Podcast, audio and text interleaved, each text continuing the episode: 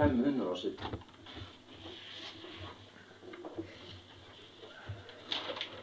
Første Mosebok 4012. Da sa Josef til ham, dette er tydningen, de tre grener er tre dager. Om tre dager skal farao opphøye deg og sette deg i ditt embete igjen, og du skal rekke farao begeret som du gjorde før, da du var hans munnskjenk.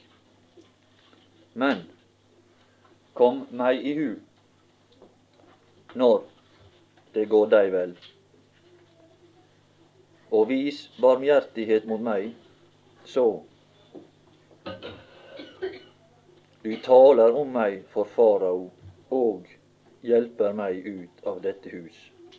For de har stjålet meg fra hebreernes land, og heller ikke her har jeg gjort noe som de kunne sette meg i fengsel for.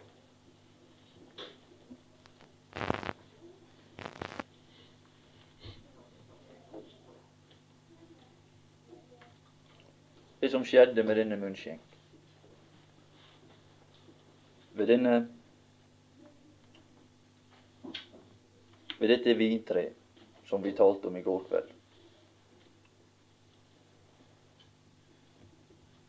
det var det at frukta av dette vintres liv blei han til en adgangsport, eller en billett til tronen, om du kan si. Om du vil si det på den måten. Og ikke bare det at han kom tilbake til den sammenheng som han, han gikk ut ifra, som han hadde tapt, som taler om samfunnet med Gud, vi kan ikke komme for mye inn på dette. Men han blei satt i funksjon igjen der han kom. Han ikke bare blei brakt tilbake til, til Gud, men han blei satt i en funksjon, slik at dette vintreet hadde den virkning for hans vedkommende. At han kom inn i en positiv sammenheng der hans liv hadde en betydning. Han betydde noe der. Ikke bare at Gud tar oss opp på sitt nivå, så har han oss der sittende, mer eller mindre glemte. Nei, vi blir satt inn i en funksjon. Det blir vi allerede her i tida. Kommer vi inn i en harmonisk funksjon som for i første Det er den første hensikt med denne funksjonen, vet du hva det er? At vi betyr noe for Han. At vi bringer Han glede. Det er det mest vesentlige av alle ting. Vet du hva, hva det er som Ja, jeg tenkte på det i går kveld. Vet du hva det er som er det? Det som er mest salig her i verden. Det mest salige, og det som er mest løftet knytta til. Det er det som færreste vil ha. Vet du hva det er? Det å leve for Gud. Det er å bety noe for hans hjerte. Men det er det, er det så få som vil ha den jobben. Det kjenner jeg også. Jeg vil, vil helst at andre skal se hva jeg gjør. Men det betyr mindre for meg at Gud ser meg. Men vi skal se her at Paulus han hadde veldig stor han la veldig stor vekt akkurat på dette, at han betydde noe for Gud. Og så var ikke han så nøye med hva de sa, de andre. Så fikk det heller våge seg om det kom litt på skeiva for, for de andre. Han la ikke så veldig stor vekt på folk, slik i all sin alminnelighet. Hva de mente, og hva de trodde. Nei, Paulus, du må ikke forkynne på denne måten, sa de nå. Tja, folk, hva slags myndighet er dere gå til å uttale dere? Det betyr i grunnen så forferdelig lite hva dere mener. For han har vært en annen plass. Jeg kjenner et menneske i Kristus, ånd. Jeg har vært inne i ei anna sfære. Jeg har vært inne i Guds himmel og der jeg lytta til andre tankeganger enn det som er rådende i denne verden. Og der har jeg sett noe annet. Og jeg kommer tilbake derifra. En som for 14 år siden var rykket inn, like inn i Guds himmel. Og der lærte han forskjellige ting. Der innånda han den atmosfære som var der inne. Og der lærte han noen tanker å kjenne som gjorde at han kunne avsløre det vesen som er i denne verden.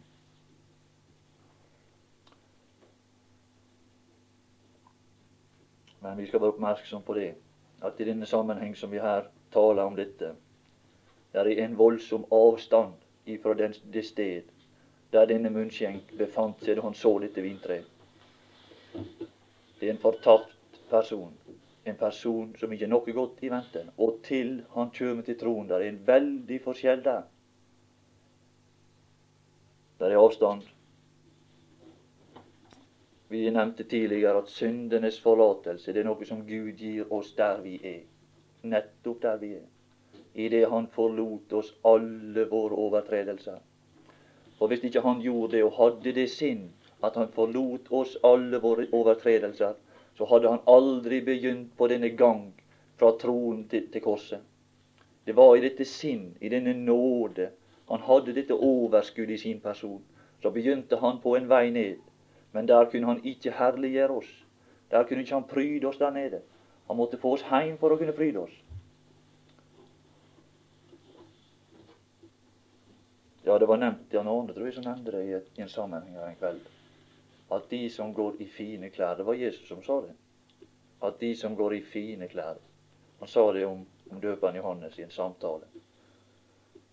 De, hvorfor gikk de da der ut, sier han til folk i forbindelse med døperen Johannes for å se folk som går i fine klær. Nei, de som går i fine klær, de er i kongens saler. De som går i fine klær, de er der inne. Og det er slik Han har fått oss. Han har pryda oss på denne måte. Og fra frelsesøyeblikket ser Han oss for alltid pryda i disse klær. Det er drakt som ikke kan tilsmusses. Han har pryda oss, dem som Han forutkjente, så begynte han med oss på de forskjellige nivå, og så ender det med det at dem har han òg herliggjort. Så kan han ikke gjøre noe mer. Så har ikke han noe mer å pryde oss med. Og hva skal vi da si til alt dette? Så kan vi si noe. Men vi kunne ikke herliggjøre oss. Men så kan vi si noe att i veien. Hva kan vi si? Å, skal vi si noe? Er Gud for oss? Er Gud for oss? Hvem er da imot oss? Når Gud er pryda slik, kan, kan, kan da tilsmusse oss? Ingen. Og der er ikke skit der som vi er kommet nå. Nei, der er ikke fall. Der kan aldri noen falle ifra. Det går ikke an å falle ifra denne stilling. Det går aldri an. Men det er andre ting som går an å falle ifra. Vi kan falle vår, fra vår frimodighet. Vi kan falle fra i vårt sinn. Og vi kan falle fra denne vandring i denne verden. Der kan vi falle fra. Og der har vi falt mange ganger. Vi kan falle fra det som vi kan gjøre, men vi kan ikke falle fra det som Han har løfta oss til. Der kan aldri gå galt. Ja, han synger det at om jeg skulle falle, sa han, så, så faller jeg om. Så faller jeg i båten. Og han er det som ber oss oppe oppover gjennom denne verden? Det er Han som, som har tatt, tatt seg på å føre oss hjem. Så faller jeg om. Så faller vi på Han. Så faller vi på nåden. På Kristus Jesus.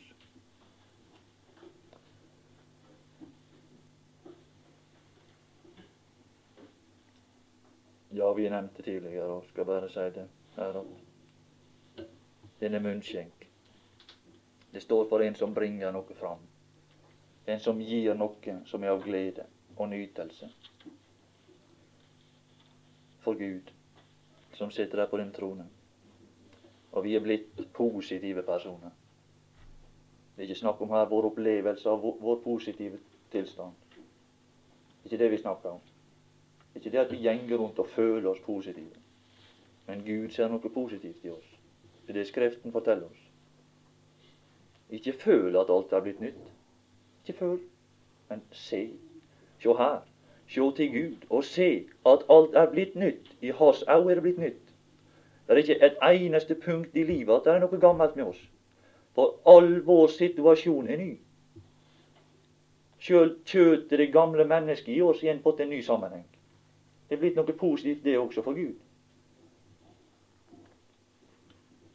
ikke føl. Nei, må ikke føle. Må, må høre, må lytte. Jeg mener, sier Paulus, du får tak i hva han mener.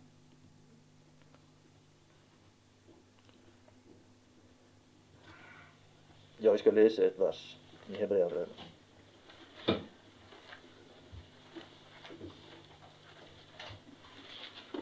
Hebreabrevet 10-14. Det kan være nyttig å ta med en del slike uttrykk fra det nye testamentet. Ikke sikkert jeg tror det når hvis du kommer en plass og begynner å snakke om, om munnskjenking og bakeren hos disse karene. Det er ikke, ikke sikkert jeg tror det. Det er ikke noen vanlig måte å forkynne på. 10-14, ja, i Hebreabrevet. Der står i vers 13 og nu venter han, ja, han har fremvåret et offer, står det i tolvte vers. Et offer for synder. Et offer, det er for andre sine synder, det. Det er forsoning vi taler om. For syndere har deretter for alltid satt seg ved Guds høyre hånd. Han var både presten som bar fram offeret, og han var offeret. Og når denne personen er ferdig med dette, så gjenger han. Han var den mest skitne person. Han var offeret, det mest fordømte i denne verden. Så var han presten som bar et offer. Og denne, når han er ferdig med vet hva han gjør da? Han går og setter seg på det reineste stedet i universet. Ja. Han setter seg der så det ikke tåles skitt. Så fullstendig ferdig er han med dette. Han legger av seg denne drakt også. Og så går han like inn i Guds nærhet. Og så er spørsmålet Det blir aldri tale om synd mer. Gud tar ikke opp det spørsmålet på troen mer. Fordi det er fullstendig ferdig. Og han har satt seg der. Og der sitter han den dag i dag. Han gjorde, den han gjorde forsoning for, det var ikke for seg sjøl, men det var andre. Det var oss. Og nå venter han bare på Hva venter han på? Venter han på at vi skal bli skikkelige? At vi skal begynne å, å bli bra. At vi skal komme oss. At vi skal slutte med det ene og slutte med det andre. Nei, nå venter han bare på at hans fiender skal legges til skammel for hans føtter. For med ett offer har han det er ferdig, ei gjerning som er gjort. Den er ferdig. Og den er ferdig for oss.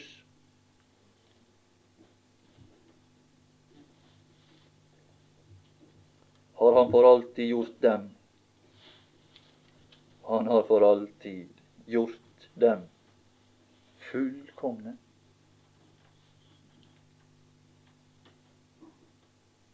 Ja, ikke kjenn.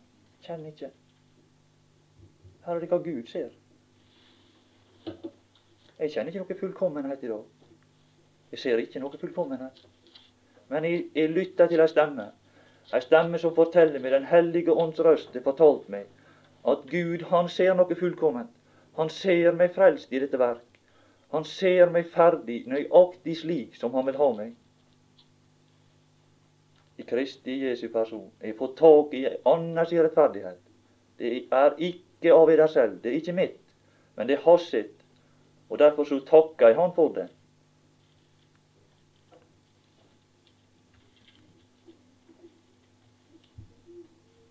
fullkomne.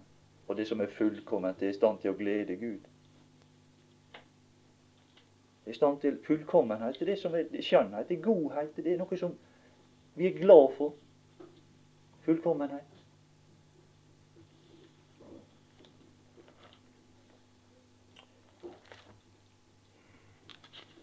Man ser aldri noe, noe småkjeltring med Gud etter denne dag etter frelsesøyeblikket er han ferdig med oss i den karakter. Men så får vi med Gud å gjøre. La oss bare ta med det. Det er vanskelig å ta med alt. Men la oss bare være klar over at fra den dag av så, så, blir vi født der, i dette øyeblikk. Det er natursida ved frelsa. Og da får vi med Far å gjøre, som oppdrager. Og der er mye på det nivået. der er mye å gjøre. Der er det mye å gjøre. Der er det mange fall, mange svakheter. Og bare svakheter. Det er bare svakheter. Det er det en far ser med barn. Det er masse svakheter. Du må aldri vente noe annet. Fordi at far ligger på et så mye høyere nivå. Han har så mye lengre erfaring. Og han har lært noe. Og han kan noe. Og så kan vi så lite. Så må vi aldri tape motet. Bli ikke motløs, sier han. Bli ikke motløs. Du må ikke bli motløs for det går smått. For all naturlig og harmonisk utvikling, det går smått. Det går smått. Livet lærer oss det. Bli ikke motløs når du refses av ham. Ja, vi leser det 14. vers der i Første Mosebok 40.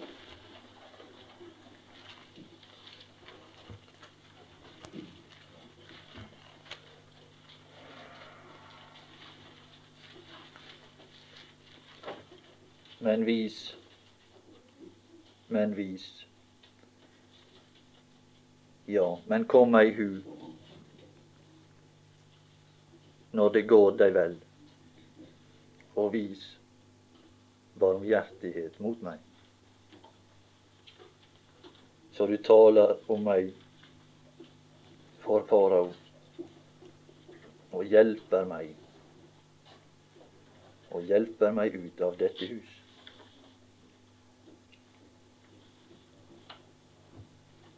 Hvis ikke det går deg vel, hvis du ikke har den følelse i livet, din umunnskjenk, når du begynner å bevege deg der all skjønnhet er, der Gud, den gode person, er. Hvis ikke du føler deg vel, så kan du glemme. Så kan du glemme. Hvis du ikke har noen opplevelse av din kristendom, sier den Herre Jesus.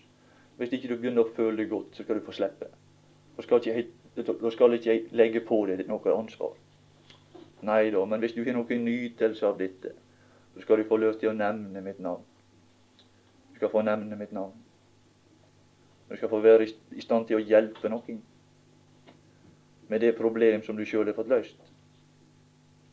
Det er slik han vil at vi skal, skal fortjene ham, med overskudd. Og Kristi kjærlighet, sier Paulus. Kristi kjærlighet tvinger oss. Hva det var som var, var krafta? Hva gikk han for å få kraft til dette? Jau, fordi en er død. Det var der i fengselet. Og dette vintreet han, han sett også, han også. En er død. Og dette, i dette voldsomme, der han ser at en person er i stand til å gi sitt liv frivillig, der får han kraft. Der ser han denne kjærlighet demonstrert. Og der får han lyst til å gjøre noe igjen.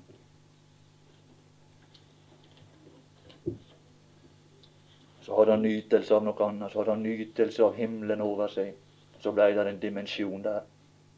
Så kunne han avlese, så kunne han kjenne den dimensjonen i, sin, i sitt sinn ifra troen til Golgata. Ifra nytelse til ilden, der den Herre Jesus døde.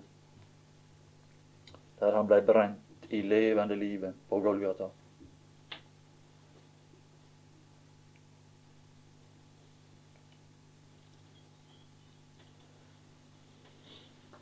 Det er slik at vi skal bekjenne Han. De som ikke kjenner Han, ikke kjenner den Herre Jesus. Men som har det eneste behov, deres eneste behov, er nettopp det å kjenne Han.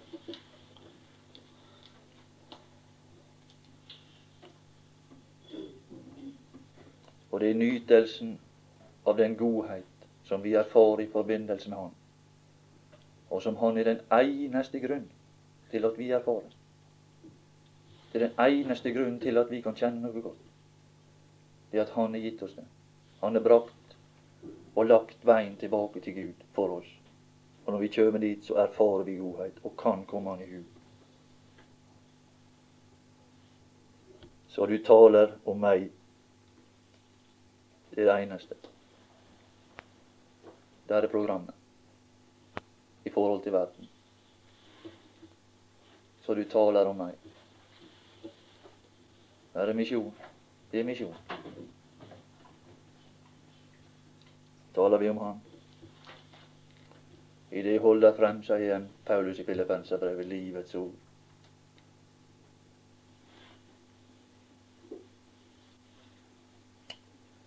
Ja, du prøv, Du er prøvd hvor lette. det er. Det ei enkel oppgave. Skal vi lese hvor lett det var? Vers 23. dette var en enkel oppgave. Han trodde vel kanskje det, at det var enkelt. Ikke.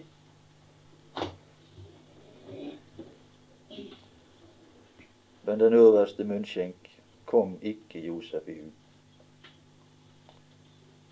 Det var så like ubetydelig hendelse det her at det var ikke noe. Nei, det var ikke, det ikke noe å nevne.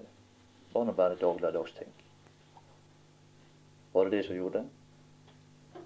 Var ikke det en betydelig hendelse den dag han slapp ut av fengselet? Nei, det var ikke det. Nei, Det var bare det at det var nesten umulig å nevne hans navn. For han var en vanæra person, og han er det den dag i dag. For mens vi er, gjort, er lufta til herligheten, så sitter han der fremdeles. For verden er han den samme i dag. Han glemte ham.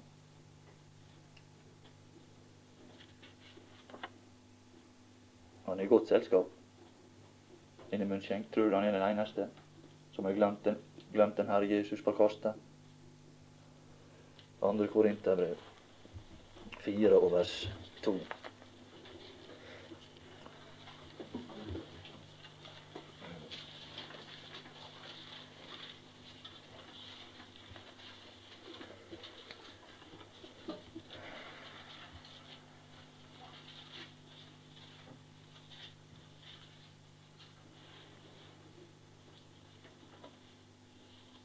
Ja, vi kan ta 2.17 først. 2.17. For vi er ikke som de mange. De mange? Var det mange på Paulus' tid som var slik? Ja, det var det. Det var de mange som var slik på Paulus' tid. Skal vi lese hvordan de var? Det var slik som denne munnskjenk, og slik som jeg og du er av naturen. Det er vår naturlige tilbøyelighet. Og skal vi ha et annet liv og en annen livsførsel, må det tilføres oss disse krefter som Paulus erfarte. Vi må leve i nytelsen av denne dimensjonen. Fra Golgata til tronen. Det må vi leve i nytelsen av. Hvis det skal frambringes en kraft i vår karakter, i vårt vesen, til å nevne Hans navn overfor andre. Og da er det ikke bare en bestemmelse som skal, til. At i dag skal jeg være snill, i dag skal jeg være god. Nei, vi må leve i kontakt med himmelen. Slik at vi forfalsker Guds ord til egen vinning. Det var det han gjorde. Han forfalska Guds ord til egen vinning. Så slapp han å nevne navnet hans. Så gikk han hans egen person fri. Vanæra.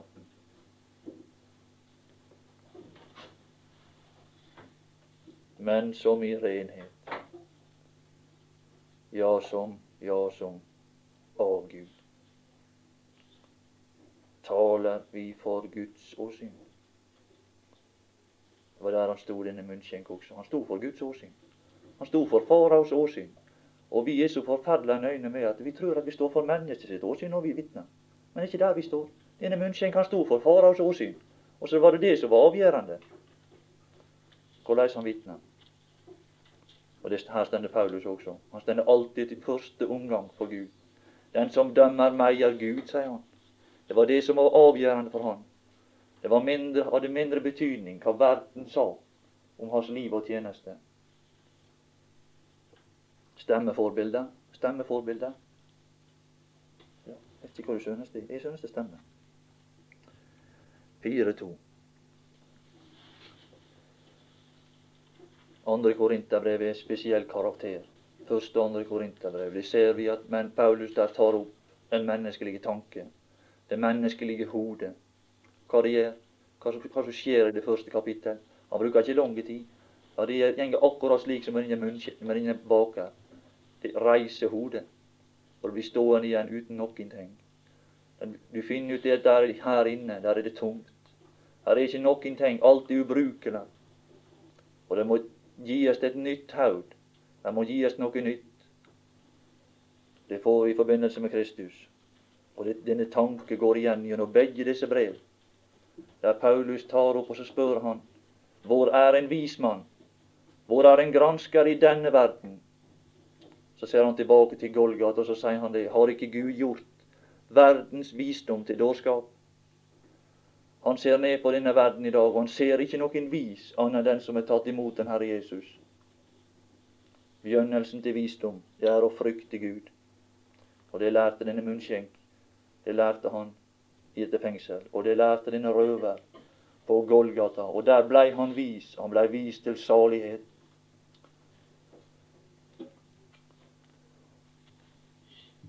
Men vi har sagt oss løs fra alle skammelige snikveier og farer ikke frem med list. Og tar oss kort anlagt til slutt. Så lurer oss, lurer oss til litt, sånn. Ja, det gjør vi. Det er kort anlagt til slutt. Listig som slanger. Heller ikke forfalsker vi Guds ord. Det kan vi. For å gjøre det for å gjøre det lettere å selge. Slik at vi finner innpass i verden. Så finner vi innpass. Så kan vi ta med oss Jesus alle plasser. Ta av fangedrakta og pusse den litt opp, slik at han ikke blir så anstøtelig for det naturlige mennesket. Så kan vi vinne innpass med hans person.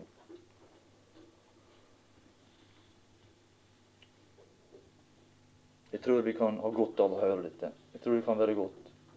Jeg tror ikke det nytter, venner. Jeg tror ikke det nytter for oss. Vil vi være noen til hjelp, så må vi ta han slik som han er. For der er krafta, at vi gjør oss til ett med han der han er. Og fortelle nøyaktig hvordan det var han fant oss. Nøyaktig hvordan han vil frelse oss.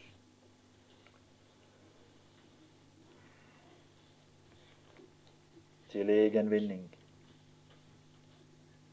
Heller ikke forfalsker vi Guds ord, men ved å kunngjøre sannheten. Anbefaler vi oss Her er den andre sida. Vi kunngjør sannheten ved vår munn, og så anbefaler vi oss. Det er vårt liv. Ja, ja, det er ikke godt å ha frimodighet. Hvem er vel duelig, sier Paulus i dette brev. Jeg kjenner til mange svakheter i mitt liv så står det her ikke det at han gjorde oss duelige til å være tjenere for en ny pakt, for det han gjorde. Men kan jeg vel utruste og danne i sin karakter til denne tjeneste slik som han burde? Alle er vi duelige til å begynne tjenesten, men hvor langt er vi nådd? Nei, sannelig, altså, her er det grunn til å ta av seg skoene. Her er det grunn til å innrømme at han kommer sørgelig til kort. Men det, bare, det, er ikke bare jeg og du som kommer til kort, for Paulus som er kommet til kort så sa han det er framvist det himmelske mennesket i denne verden, sier han. Han som var rykka like inn i Guds nærhet. Og så sier han det er da enn vårt evangelium skjult. Allikevel så var det noen som ikke kunne godta han. Vi skal ikke bli mismodige. Og Gud laster oss iallfall ikke fordi at vi ikke vinner mennesket. Det kan du være sikker på. Det er en som ikke skal laste deg når du kommer inn i himmelen. Du gjorde ikke det du kunne. Å nei. Du var et lys der du var når du gikk til møte, når du samlet til Hans navn. Når du var et lys i denne verden, så skal du aldri høre noe fra Han at ikke du gjorde det du kunne. Nei, du kan være sikker. Han skal ta det inn, og han skal glemme fortida. Han skal rose deg for det der var. Han skal rose oss. Og han skal ikke rose oss bare for det vi gjorde, men han skal rose oss for det der var i vårt hjerte. Det som vi ikke fikk gjøre på grunn av at alt var i veien. Fordi at det var svakheter rundt omkring oss. Fordi vi var misforstått, skal han ta fram. Og han skal dømme hjertenes råd. Og da skal enhver få det du ikke fikk her, sin ros av Gud. Det skal ikke bli slag. Men du skal få din ros. Du skal få den av Gud, den rettferdige dommer. Heller ikke forfalsker vi Guds ord. Men vi anbefaler oss til alle menneskers samvittighet ei anledning til å bedømme. Ei anledning til å bedømme vårt liv. Og hvis de ikke kan bedømme vårt liv og finne noe godt, så kan de ikke heller tro evangeliet. For det er ikke vi troverdige i vår person, er vi heller ikke troverdige i våre ord. Og de skal Verden skal ha anledning til å bedømme vår person. Derfor er det ikke likegyldig kan vi vitne for. Gå hjem til dine, sier Jesus. Gå dem til, hjem til dine og se om du kan gjøre noe der. Og de kan se på dine, ditt liv, og de kan høre dine ord. Men Per og Pål, de kan ikke kontrollere dine ord. Kontrollere ditt liv. Det kan ikke de. Verden skal ha den nåde. De skal se Kristus i oss, og hvis ikke de ser det, så er ikke Kristus. Han eksisterer ikke hvis ikke. Det er den eneste måten de kan se han på.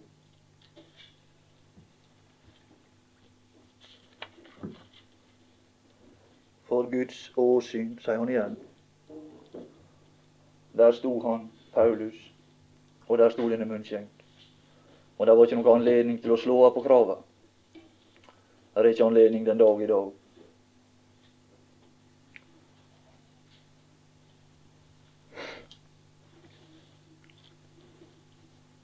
Andre Korinterbrev 11.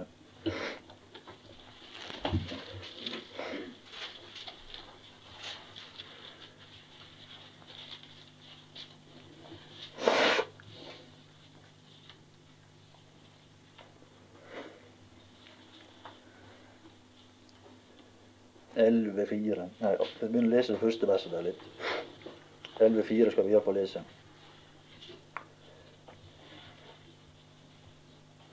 Gid dere ville tåle. De kan kanskje knake på. De kan kanskje knake på å høre dette her. Det er spørsmålet.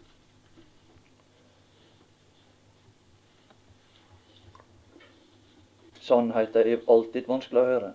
Det kan være vanskelig for oss som er troende å høre sannheten.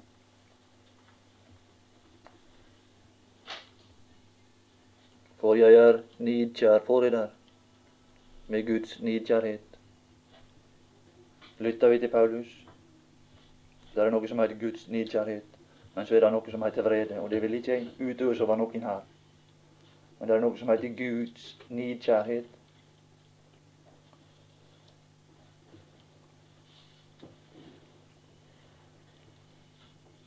Vers 3. Men jeg frykter for. Er det grunn til å frykte dette? Er det ugrunna? Var det grunn til det på Paulus' tid, så er det iallfall grunn til det i dag.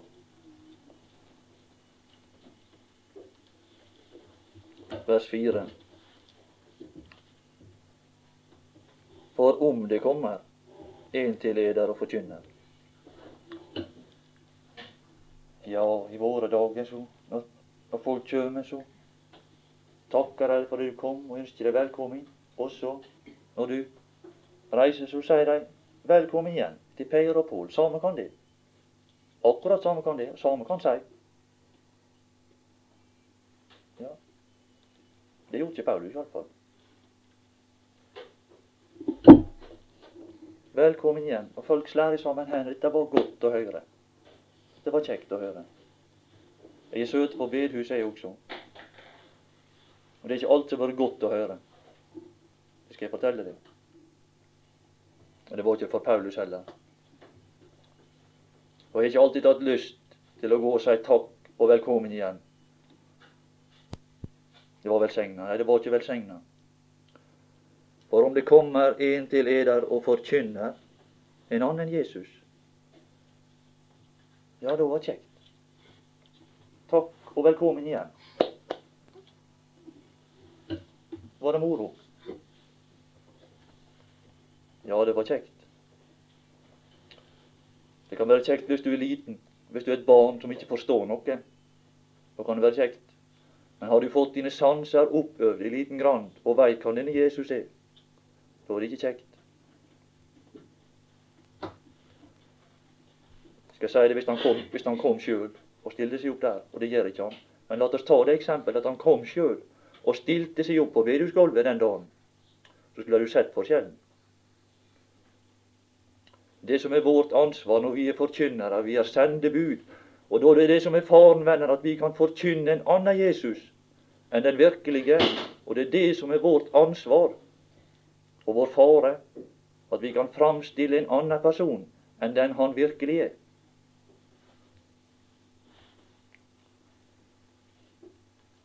Jesus er bare en person, han. Han er i sitt vesen uforanderlig. Men det som er vår far, at vi kan for det første ikke ha det rette begrep om han. For det andre så ville slå av på sannheten. Og frambringe hånda på en annen måte, slik at vi vinner, vinner for vår egen person. Men vi skal vite det, at vi taper krafta iallfall.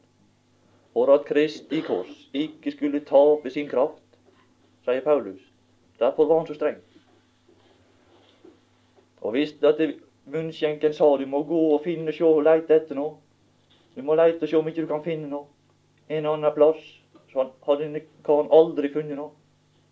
Hvis ikke han fortalte at han er i fengsel, og at jeg var i fengsel, og det vanære med det, så kan han aldri virke det han skal. Han kan aldri virke til frelse. Som vi ikke har forkynt. Så står det mer. Eller ikke forkynner neste omgang. Eller dere får en annen ånd. enn greia. Ja, jeg skulle tro det i våre dager. Noe som heter ånd. Hellige åndskonferanse. Ja, pass dere, folk. Dere får en annen ånd. Det leser det bare opp. La oss passe oss. Det er noe som vi kan få, men den er sikker som ikke søker noe slikt. Den er sikker som ikke søker. For Han har gitt oss den ånd. Han har gitt oss i frelsesøyeblikket er den Herre Jesus gitt oss den ånd vi skal ha. Og noe annet ånd gir Han oss ikke. Han har gitt oss Den hellige ånd i fødselen. Fødselsgave. Det er god fødselsgave, det. Og den vitner med vår ånd. Når vi straks vi er født, så begynner den å synge og snakke om Faderen. Den vitner med vår ånd at vi er Guds barn. Så søker ånda tilbake til sitt opphav. Den vitner med vår ånd. Og så sier han Abba, Abba, Fader. Eller pappa, pappa. Abba betyr far. Fader, Fader, sier den.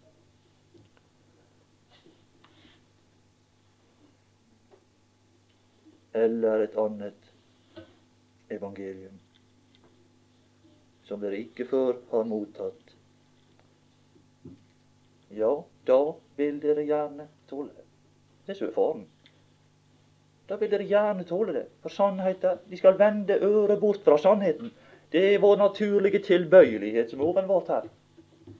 Og hvis ikke det er annen kraft, en åpenbarelse av sannhet i vårt liv, så er det den veien det går. Med alt arbeid.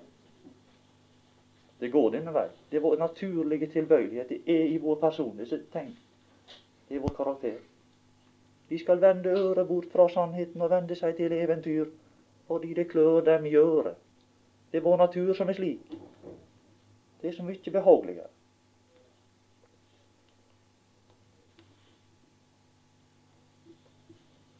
Trettentre.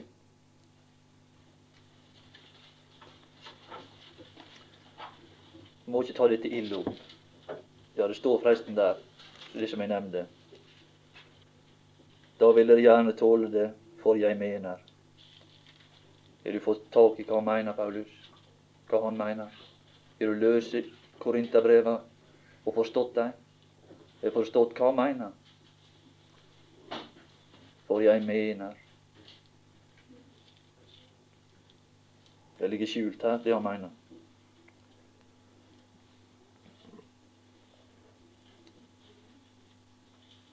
Tretten tre siden dere krever bevis på at Kristus taler i meg. Her var han som var satt utafor fordi han forkynte sannheten. Og så krevde de Paulus, Guds store Paulus, han som hadde frelst dem. Eller ikke frelst dem, men han som hadde forkynt evangelium til frelse for dem. Korsets evangelium. Josef i fengselet. Han som kunne frelse. Ja, så sa de nei, dette her, Paulus, det er for, dette er for pjusket. Vi må få det i et musikkbord og få det noe litt mer livlig stemning her. Dette er mye for pjasket. Jeg var hos eder i skrøpelighet og megen beven. Uff. Lite stemning og trasig er det. Ja, så sa jeg dere som har bevis på at dette her er skikkelige saker.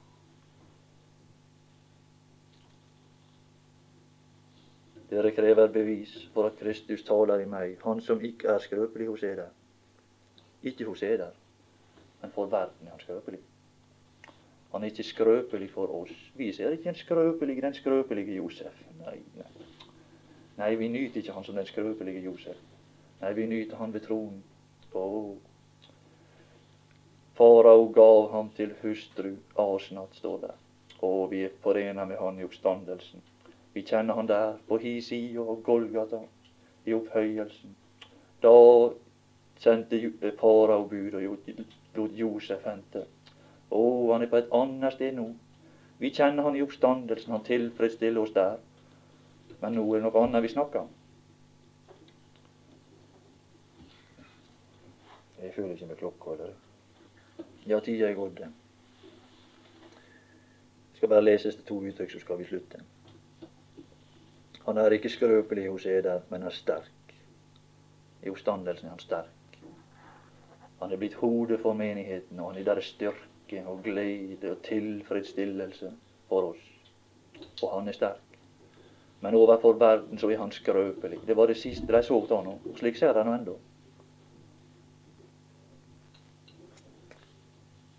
For ble han en korsfestet i skrøpelighet.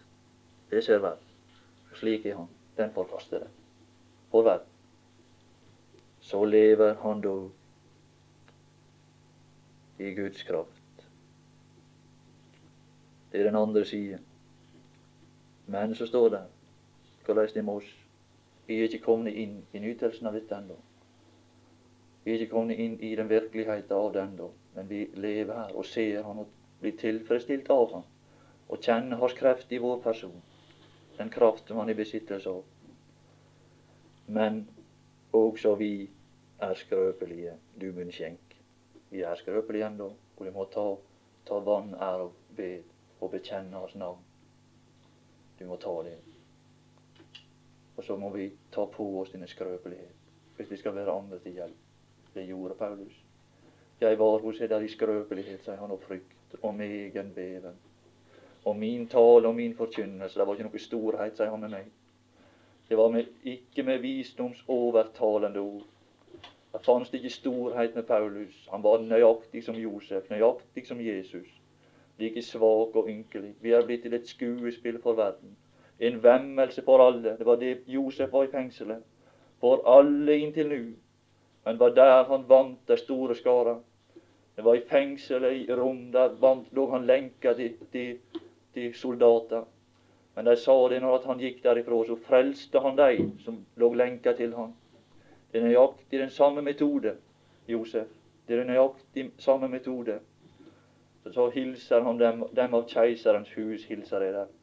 De sier det de han vant i fengselet, der han lå lenka, forkasta av alle, men ikke av Gud.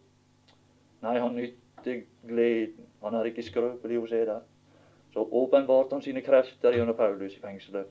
Så var han ikke skrøpelig. Men for verden var han skrøpelig. Men han var ikke skrøpelig Paulus. Han var åpenbart, han virker i meg med styrke, sa han.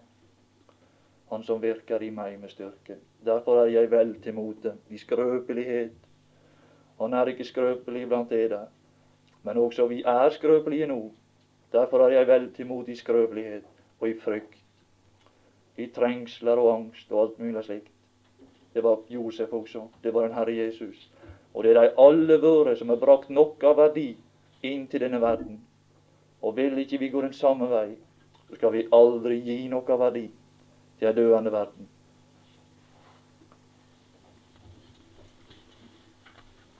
Herre Jesus. Og takk for denne formiddag. Takk for de sannhet som er i stand til å, å hjelpe oss. Det blir kanskje mye å lytte til, og mye som er uvant. Du må iallfall la det gode bli igjen hos noen, hvis det var noe godt. Og det som kommer på skeiva, det må du prøve å, å viske vekk, som han sa en, som, en av dine tjenere. Vi må komme også han i hu. Han som er svak der han er nå. Han som lærte oss å lese Skriftene. Må du velsigne han i oss alderdom. Herre Jesus. Ta det av oss videre i denne dag og utover kvelden. La alt være godt. La din velsignelse bli igjen da. Og alt det som er ondt og, veikt. Og ikke holde mål, la det forsvinne. Vi ber om dette i Jesu navn.